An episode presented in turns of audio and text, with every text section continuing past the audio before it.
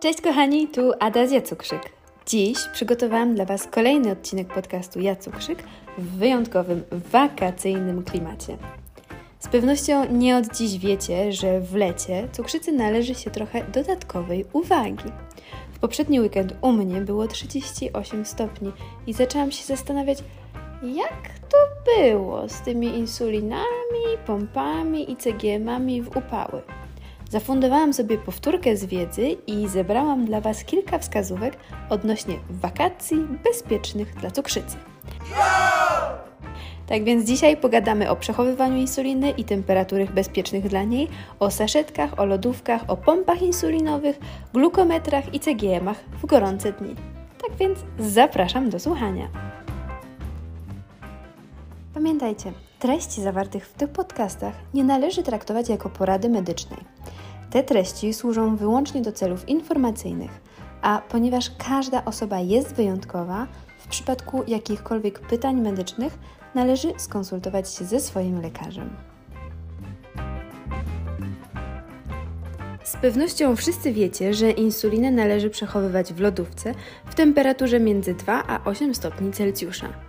Fiolki przechowywane w tej temperaturze będą działać i mogą leżeć w lodówce aż do utraty daty ważności. Ale insulina, którą wyjmiemy z lodówki i zaczniemy używać, zachowuje się inaczej. Badanie Heat Stability Study of Various Insulin Types in Tropical Temperature Conditions z 2021 roku nad stabilnością insuliny w warunkach tropikalnych potwierdziło, że insulina nie zmienia swoich właściwości w temperaturze 25-30 e, stopni przez około 4 tygodnie. Naukowcy chcieli odtworzyć w laboratorium temperatury spotykane w Kenii. Poddali insulinę analizie w różnych temperaturach, a całe badanie trwało 12 tygodni. Okazało się, że insuliny, które były poddawane temperaturom między 25 a 30 stopni, ulegają uszkodzeniu po 4 tygodniach od około 5 do 13%, a po 8 tygodniach pogarszają swoje działanie o kolejne 12 do 19%. Insuliny, które były wystawione na ciągłą temperaturę 37 stopni Celsjusza, już po tygodniu ulegały znacznemu uszkodzeniu. Insulina nie powinna być też narażona na bezpośrednie działanie promieni słonecznych. Inne badanie z 2012 roku UV Light Exposure to Insulin wskazuje, że wychwyt glukozy przez ludzkie komórki mięśni szkieletowych zmniejsza się o 61,7%, gdy komórki są inkubowane z insuliną wstępnie naświetlaną promieniami UV przez półtorej godziny. Te obserwacje podkreślają znaczenie ochrony insuliny oraz innych leków przed ekspozycją na światło UV, szczególnie w przemyśle farmaceutycznym. Warto pamiętać, że ekspozycja insuliny na światło lub światło słoneczne może prowadzić do fotodegradacji i uczynić ją nieskuteczną. Dlatego nasadka wstrzykiwacza insuliny jest nieprzejrzysta.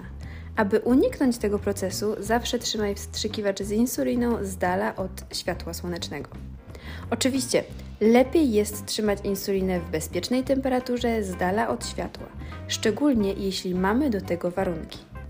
Dlatego jeśli szukasz rozwiązań chłodzących insulinę lub chroniących ją przed światłem, jest kilka opcji, które łatwo mogą wykonać zadanie.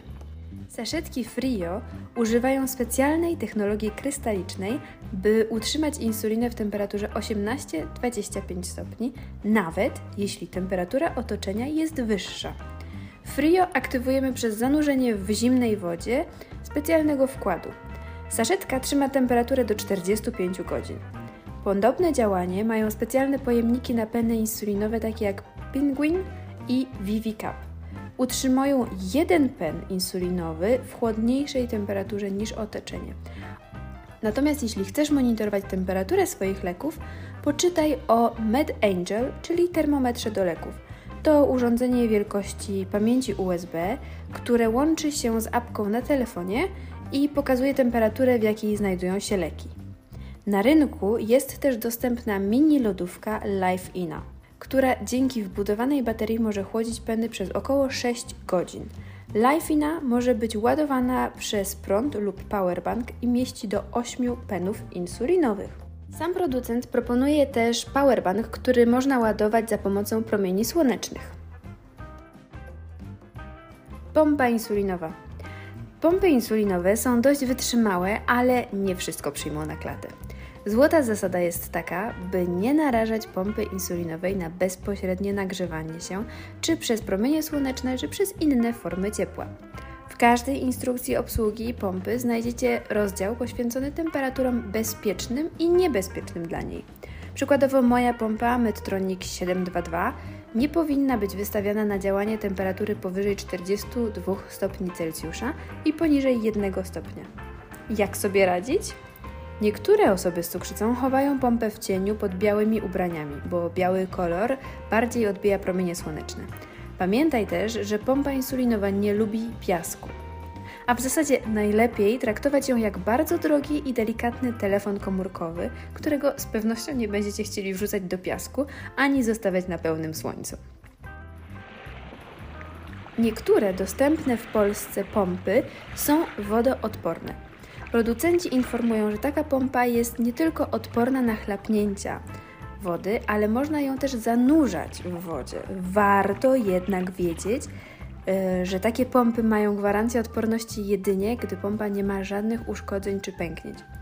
Na amerykańskiej stronie firmy Medtronic znalazłam nawet informację, że nie zaleca się narażać pompy na kontakt z wodą, jeśli spadła na ziemię lub jeśli na przykład mogło dojść do pęknięcia.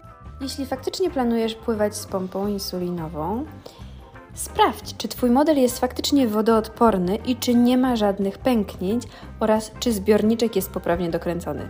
Ale tak szczerze, to ja bym losu nie kusiła i zostawiłabym tę pompę na kilkanaście minut na brzegu.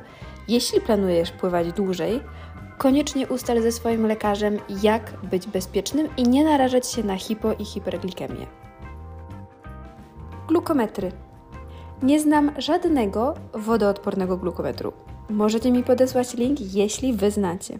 Wiem natomiast, że urządzenia te, podobnie jak pompy insulinowe, nie lubią zbyt wysokich temperatur ani zbyt niskich.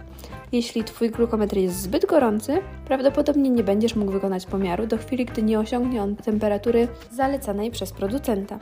Jeśli zdarzy się taka sytuacja, spróbuj w bezpieczny sposób ochłodzić swój glukometr. W instrukcji obsługi można też znaleźć informacje o optymalnych temperaturach dla działania urządzeń.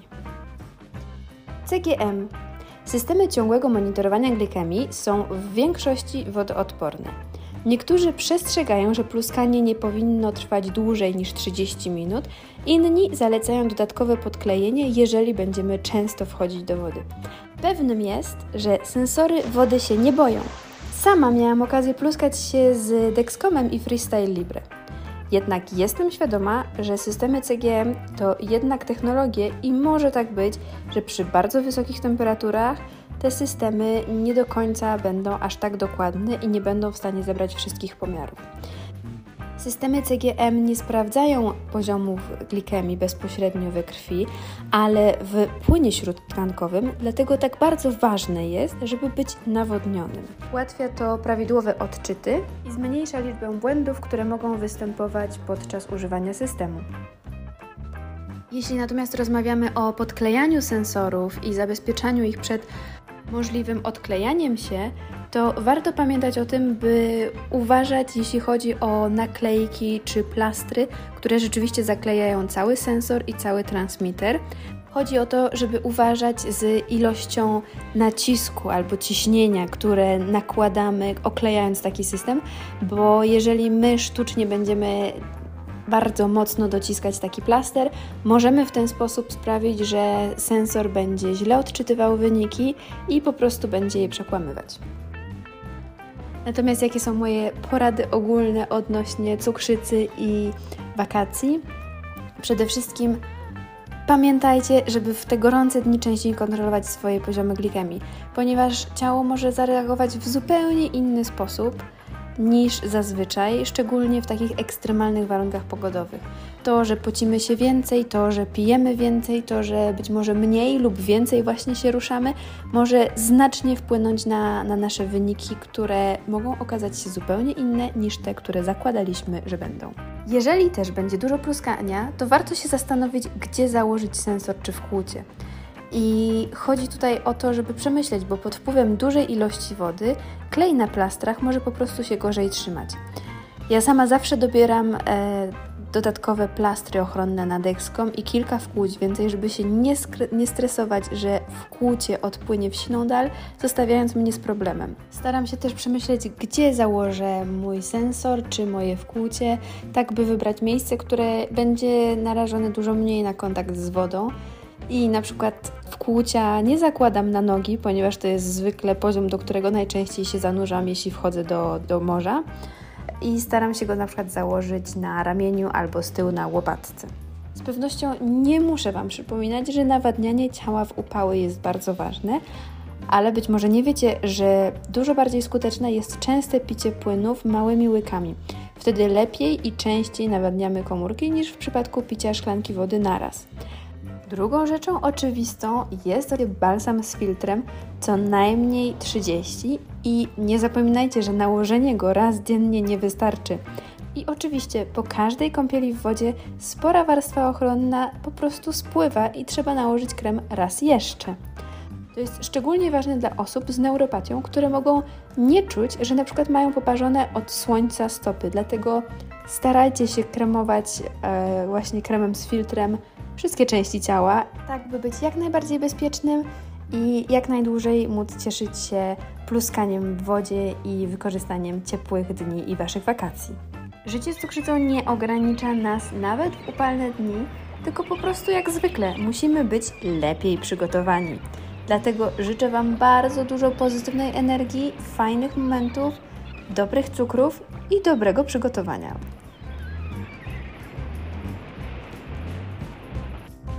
Interesują Was treści dotyczące cukrzycy? Zapraszam na mojego Facebooka Ja Cukrzyk i Instagrama iDiabetic Cukrzyk.